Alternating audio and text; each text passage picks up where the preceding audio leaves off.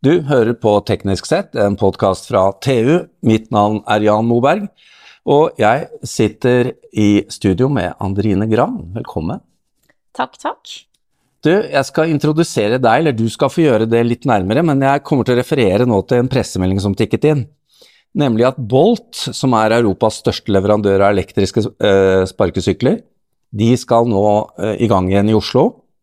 Og det skjer i april 2025. Ser vi et vindu nå, så, så har vi ikke sett en sparkesykkel på, på, noen uker. Det er for mye snø og for mye kulde til det. Men da, dette kommer jo, og i den forbindelse, Andrine, så vet jeg at dere har lagd en rapport. Hvordan kan mikromobilitet bidra til mer bærekraftige reiser? Det må du forklare, for dette henger veldig sammen med denne ferske pressemeldingen fra Bolt. Da. Hva kan vi nå forvente oss? Ja, eh, Virker dette? Virker disse sparkesyklene? Og, hva? Ja. Jeg tenker at uh, i den, eh, den, rapporten som, uh, som, vi i It's Tomorrow og Multiconsult har laget, så handler det jo om mikromobilitet i et litt større perspektiv. Det handler om både elsykler og det handler om elsparkesykler. Og det er ikke bare, de, det er ikke bare Bolt og Voi og Ride som driver med mikromobilitet og elsparkesykler. Det er jo faktisk eh, sannsynligvis veldig mange flere privateide. Ja, riktig. Som eh, jeg ser på toget, og som de slår sammen og tar med seg. Og... Ja. Har vi noe tall på hvor mange det er? Ingen tall. Nei. det er sagt tall uh, fra litt ulike kilder, men det er uh, gjetninger. Men det siste jeg har vel sett, er vel at det er 500 000 privateide elsparkesykler i Norge. Men om de virker alle sammen, eller om ja, hvordan de Det vet vi ikke. Nei. Men bare for å ta den rapporten da, som dere og Multiconsult har, har laget. Hvem er den til, og for hva? Eh, rapporten er skrevet på oppdrag fra Statens vegvesen. Eh, eh, det er avdeling myndighet og regelverk. Og de ønsker, ønsket rett og slett å få vite mer om hvordan de kan finne gode indikatorer for å måle bærekraft. Hva er bærekraften i mikromobilitet egentlig? Det er jo veldig mange som har meninger om det. Ja, når du sier begge deler, når du sier mikromobilitet, så får jeg bilder i hodet. Og når du sier bærekraft, så tenker jeg det er i hvert fall ikke fossilt. Er, er, det, er det, liksom innafor volumet av svar da? Det er, eh, det er, veldig Det der vi, kunne vi sikkert hatt en egen podkast om, men det her handler jo om, om utslippene. Eh, eller i hvert fall, altså Bærekraft kan forstås på veldig mange områder, men i hvert fall eh, når det gjelder utslipp, så er det lett å tenke seg at en, en fossilbil er noe av det minst bærekraftige vi har, og det kan være sånn, men det som bærekraft handler om, eller det klimagassutslipp handler om, det er jo å redusere mengden med klimagassutslipp et kjøretøy har i et livsperspektiv, og også basert på personkilometer. Altså hvor mye masse er produsert for at du skal kunne reise én kilometer. Ja, hvor mye, hvor mye biomassen transporterer gjennom livet, ja. egentlig. Mennesker. Men hva, hva, ut fra denne rapporten, da, hva var egentlig funnet dere kom fram til? Funnet, altså her, vi har jo undersøkt hva er det som uh, brukes i dag i Norge, og, hva, og, så har vi også sett til hva er det som brukes internasjonalt. For dette her, det er jo ikke bare Norge og Statens vegvesen som lurer på disse tingene. Det her er store spørsmål som opptar veldig mange byer og også uh, myndigheter. Så du skal ikke lete veldig langt i, i EU-systemer um, e og, og, mobilitetsnettverk på ganske høyt nivå eh, i Europa, så vil man finne at dette her er det laget eh, og skrevet og tenkt mye på. Ja, og det var et av mine spørsmål, fordi sant, du skal jo ikke være, reise langt før du innser at uh, det er jo ikke bare her hjemme i Oslo og norske byer vi har den utfordringen. men disse internasjonale indikatorene, da, hvorfor kan vi ikke bruke de? Det har jo blitt gjort mye på området. Det kunne ikke bare Statens vegvesen ha lest et eller annet som er laget i, jo, ute?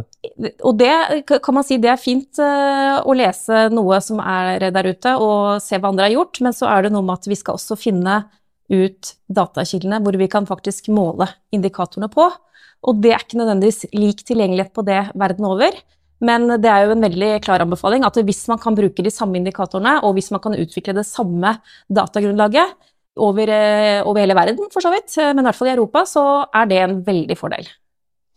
Ja, så eh, derfor så har vi fått eh, Dette er basert på norske forhold og klassifiseringer og i det hele tatt.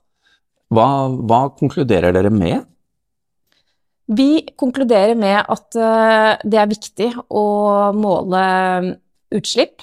Det er viktig å måle indikatorer, eh, eller måle mm, tilgjengelighet. Og det er viktig å måle arealeffektivitet, fordi jeg er veldig igjen veldig tilkobla Ja. egentlig veldig mange andre indikatorer. Ja, jeg ble veldig fascinert av en av slidene i den rapporten som viser hvor eh, Nå må du korrigere meg, men viser hvor suverent elendig personbilen er. Eh, Kommer du ut i et sånt bærekraftsbilde ved å transportere mange nok på, på areal? Ja. Og at uh, jeg som fotgjenger eller syklist eller nesten hva som helst annet, og selvfølgelig toget i øverste enden, veldig effektivt, så kan du ikke legge skinner overalt, men, men uh, dette er jo uh, Er bilen virkelig en så eh, dårlig, et dårlig alternativ? Bilen er jo noe av det mest arealeffektive Nei, areal... ineffektive. ja. eh, framkomstmidlene vi har eh, når det gjelder eh, arealeffektivitet. Og det her er jo litt interessant, for dette, vi har jo dette nullvekstmålet som har vært et mantra i ganske lang tid, og i 2019 så ble jo det utvida til at vi skulle lage Det er et mål at vi skal lage arealeffektive løsninger. Og så kan det se ut til at arealeffektive løsninger blir i stor grad målt på infrastrukturen. Altså at veiene våre skal ta minst mulig arealbeslag. Men skal vi utnytte det veisystemet vi allerede har mer, så handler det jo om å få inn også at kjøretøyene også må være mer arealeffektive. Da reduserer vi kø, vi reduserer utslipp, og vi kan redusere ganske mye. Og vi kan fremdeles være 1,5 person inne i kjøretøyet som det disse ganske så enorme stasjonsvognene som veier rundt nærmer seg tre tonn, eh, veier. Ja, de har ikke blitt lettere med elektrifiseringen. eh, Men, men eh, litt tilbake til det, fordi jeg, jeg syns jo det er litt interessant jeg, Selv om jeg får klare bilder i hodet når du snakker om mikromobilitet, da, så tenker jeg på denne klassifiseringen. Hvordan er det egentlig med det?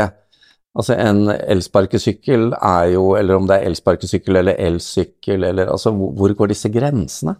Ja, det kan være mange eh, Det kan være tilfeller hvor det er eh, viktig å eh, forstå Altså at man skal måle en elsparkesykkel som er utleid, annerledes enn en privateid elsykkel, f.eks. Ja, Uansett så er elsparkesykkel klassifisert som motorisert kjøretøy. Ja, Ja, det er samme Det tenker jo ikke jeg alltid. Nei, og det er, det, syns, det er jo egentlig ganske rart. og Sånn i et byperspektiv, da, for, som, som elsparkesykkelen, i hvert fall den utleide, har sitt største fortrinn, så er jo arealperspektivet ganske viktig. Altså, vi, byene fortettes. Eh, vi skal dele på, på plassen, og en elsparkesykkel tar jo faktisk mindre plass enn en elsykkel.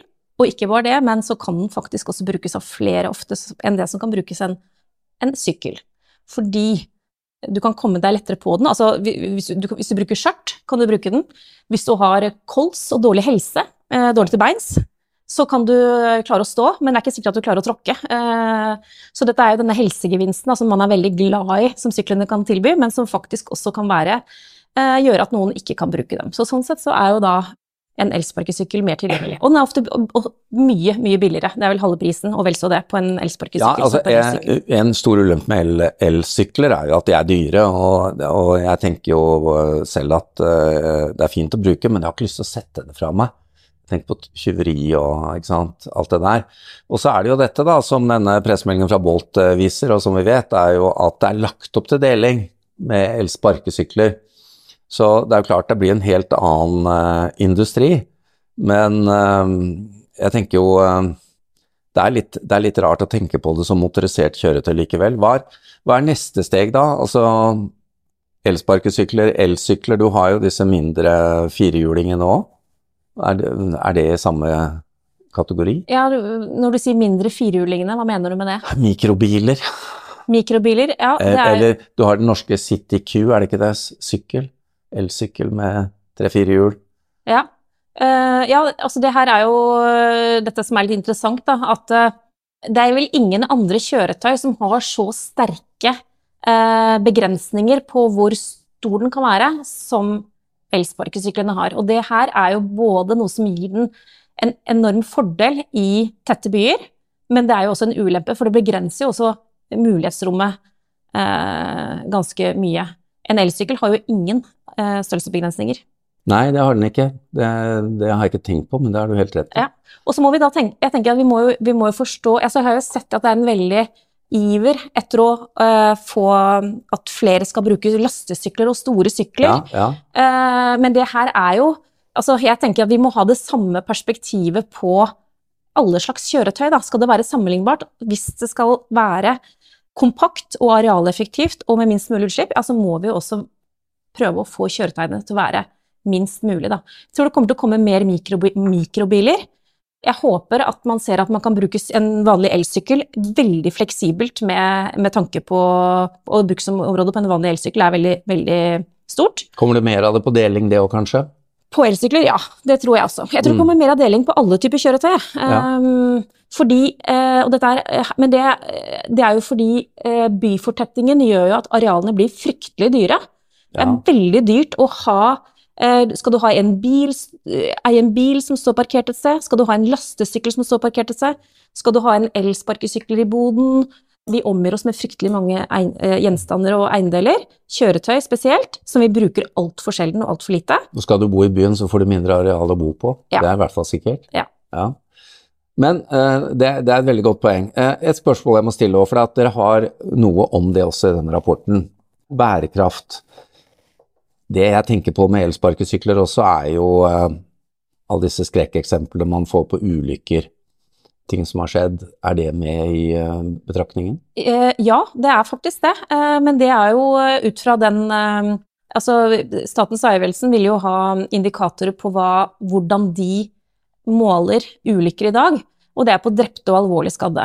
Ja, riktig. Og det er jo eh, ikke så veldig mange som blir drept og alvorlig skadd på, på elsparkesykkel eh, og elsykkel, det er målt i samme kategori. Og det som også er eh, Og her er det igjen, da. Det er litt interessant hvordan man måler, fordi eh, det er jo ganske kjent at det veldig mange, altså flere av disse dødsulykkene som har skjedd, de har jo også vært med ulovlige kjøretøy. Altså det er kjøretøy, altså elsparkesykler som går for fort. Og, Ja, riktig. Ikke- og, og da ja, er det egentlig ikke lenger en elsparkesykkel. Så det er litt Nei. interessant at de putter ulovlige kjøretøy inn i kategorien som det det er liksom ment å gi seg Ja. ut som. Da. Men hvis vi hadde hatt en bil som kunne fly, og den hadde krasja, ville vi da sagt at det hadde vært en bilulykke? Nei, det er et godt poeng. Uh, en annen ting er jo uh, Jeg vet ikke hvordan det er, dette blir litt på sparket, men jeg vil jo mistenke at i starten så var det kanskje litt mer uh, lemfeldig i forhold til promillebruk enn en, Nå er jo reglene ganske tydelige, er det ikke det? Jo, reglene er veldig tydelige, og det, det har vært veldig bra.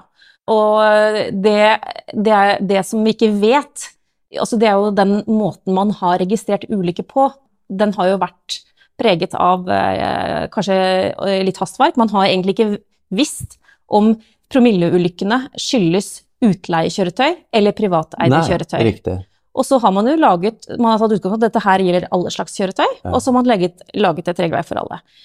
Og så Hva som egentlig det skyldes, det er kanskje ikke så viktig. Det som er viktig, det er at dette her har jo hatt en kjempeeffekt. Og det vi kan lære mye av, det er jo å se det at de har behandler nå promille på elsparkesykler på samme måte som man gjør det for bil. Og det er jo ikke det at man har Det som er hjulpet forbi, det er jo ikke å forby det. Man forbyr ikke eh, bilkjøring i desember fordi det er mye julebord og det er høy fare for, for, for promille, nei. men man intensiverer promillekontrollene. Mm. Og så har man en fokus på at det er ikke greit å kjøre med promille. Holdningskampanjer og, og diverse. Um, et, et ord som jeg Eller, eller straff og regelverk, vil jeg Ja. si, da. Ja Eh, og det, leder, det, det til sammen blir en veldig god holdningskampanje. Et ord som jeg la merke til i oppsummeringen fra rapporten deres, er jo um, Kom på slutten av følgende setning.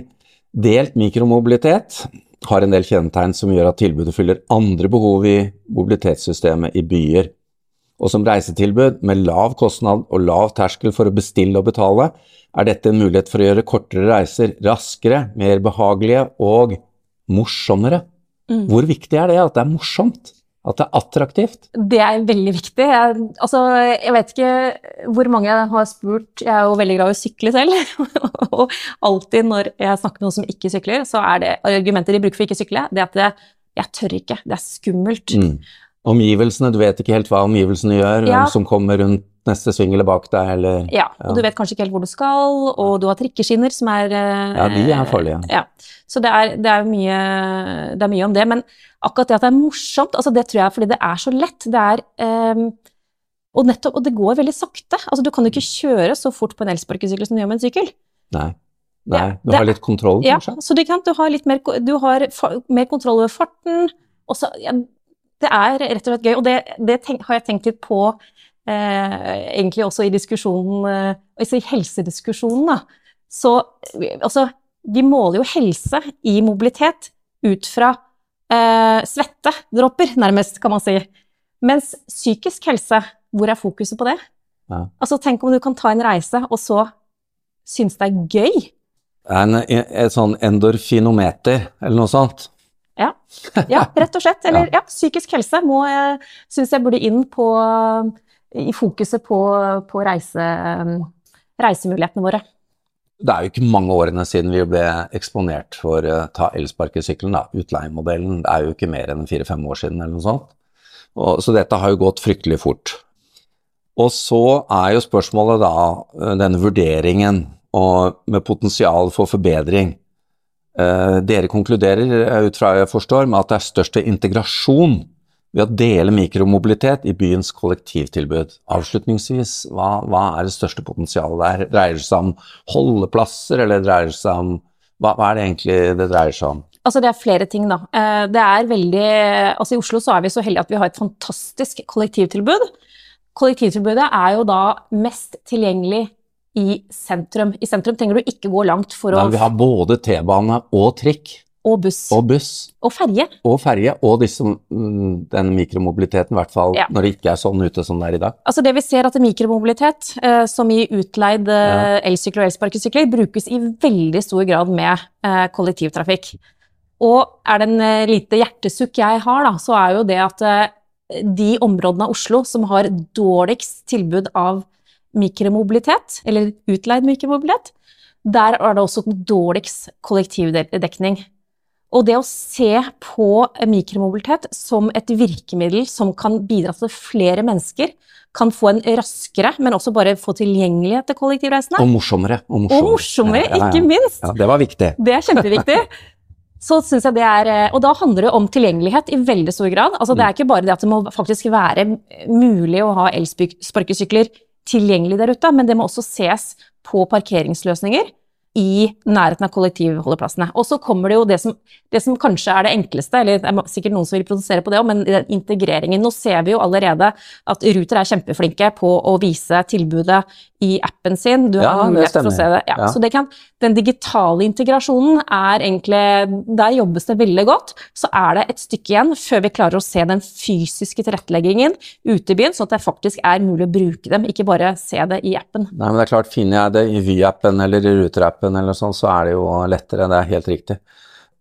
Andrine, nå står vi overfor en sesong. Som sagt, ser jeg ut nå, så er det noen uker igjen. Det er mye snø og det er kaldt ute. Men hva kommer du til å være spesielt oppmerksom på når, når sesongen begynner for eh, utleid mikromobilitet i år? Altså Med det engasjementet du og dere har for dette området, så må det være noen sånne tikkbokser dere tenker på at dette må vi være nysgjerrig på. Ja, jeg er jo nysgjerrig på egentlig hvor godt kan vi få dette tilbudet til å fungere. Jeg syns det har vært veldig mye fokus når det gjelder mikromobilitet. At det hvor, altså alt det negative, alt det ulempen og Ja, det er litt, sånne surmulere som meg som går og sparker i, snubler i de og sånn. Ja. Nå tror jeg ikke du er så veldig negativ til nye teknologiske duppeditter, men, eh, men, men ja, det er, men, ja, det er noe nytt. Du, du legger merke til nye ting mye, mye mer enn det du legger merke til det etablerte. Men jeg håper at vi nå kan, kan eh, også fokusere mer på det å få dette her til å fungere godt, Mm. framfor hvordan skal vi redusere eh, mulighetene fordi det har noen negative kvenser som vi ikke liker. Nå har jo Bolt med denne pressemeldingen som jeg nevnte i starten, gjort noen tiltak for å gjøre det litt mer kall det stuerent for kritikerne. Men det er jo en ansvarsfordeling her mellom leverandøren som Bolt er og, og lovgivende myndigheter. Da. Hva, hva tenker du om det? Er det, er det god balanse, eller? Jeg tenker at det er eh, dessverre ikke så veldig god balanse. Eller det, det, det, igjen, da, dette handler om hva kan vi gjøre for å få det til å fungere ja. bedre. Og jeg ser jo det at elsparkesyklene det gjør jo det altså hva, hva ett av og nullene kan bidra med. altså De, de styrer eh, disse kjøretøyene i ganske stor grad eh, digitalt. Og så må man også snart forstå det at det er begrensa hvor mye digital eh, styring kan gjøre. Altså dette her handler jo om brukerne. Atferd. Adferd. Ja. Men det handler også for å styre atferden, så kan ikke bare brukerne og elsparkesykkelaktørene ta dette her seg imellom. Her har kommunene og byene et ganske ja. stort ansvar. Og det er parkering. Man må ha synlige parkeringsløsninger. Og det er jo et, eh, en sammenligning som jeg syns eh, egentlig er ganske fin. Det er jo, nå har vi jo eh, siden 70-tallet hatt ganske god erfaring med å lage parkeringsplasser for personbiler. Mm. Alle forstår, alle kan se hvor de er. Det er skilta hvordan de skal brukes, og dette her fungerer ikke, ikke perfekt, men ganske greit for ganske mange. Og bøtene er saftige? Og bøtene er saftige. Mm. Um, og nå har man jo begynt å bøtelegge elsparkesykler nå, men man har gjort det uten parkeringsplassene. Ah, og det er litt fascinerende, fordi uh, det her uh, Det blir jo litt som at de skulle uh, tatt um, og fjerne alle synlige parkeringsplasser og skilt for personbiler og sagt at nå er det BMW og Tesla og, og Toyota som er ansvarlig for at kundene deres som kjøper personbiler, at bilene skal parkeres sånn at de ikke er til hinder for noen. Det gjør det ikke lett forståelig, i hvert fall. Um, la oss håpe at vi i sesongen 2024 får nye erfaringer, og så får vi ta en prat til høsten igjen når dere har fått gjort nye erfaringer. For det er vi sikre på at her skjer det mye. Det tror jeg også. Takk til deg, Andrine Gran i It's Tomorrow, og mitt navn er Jan Moberg.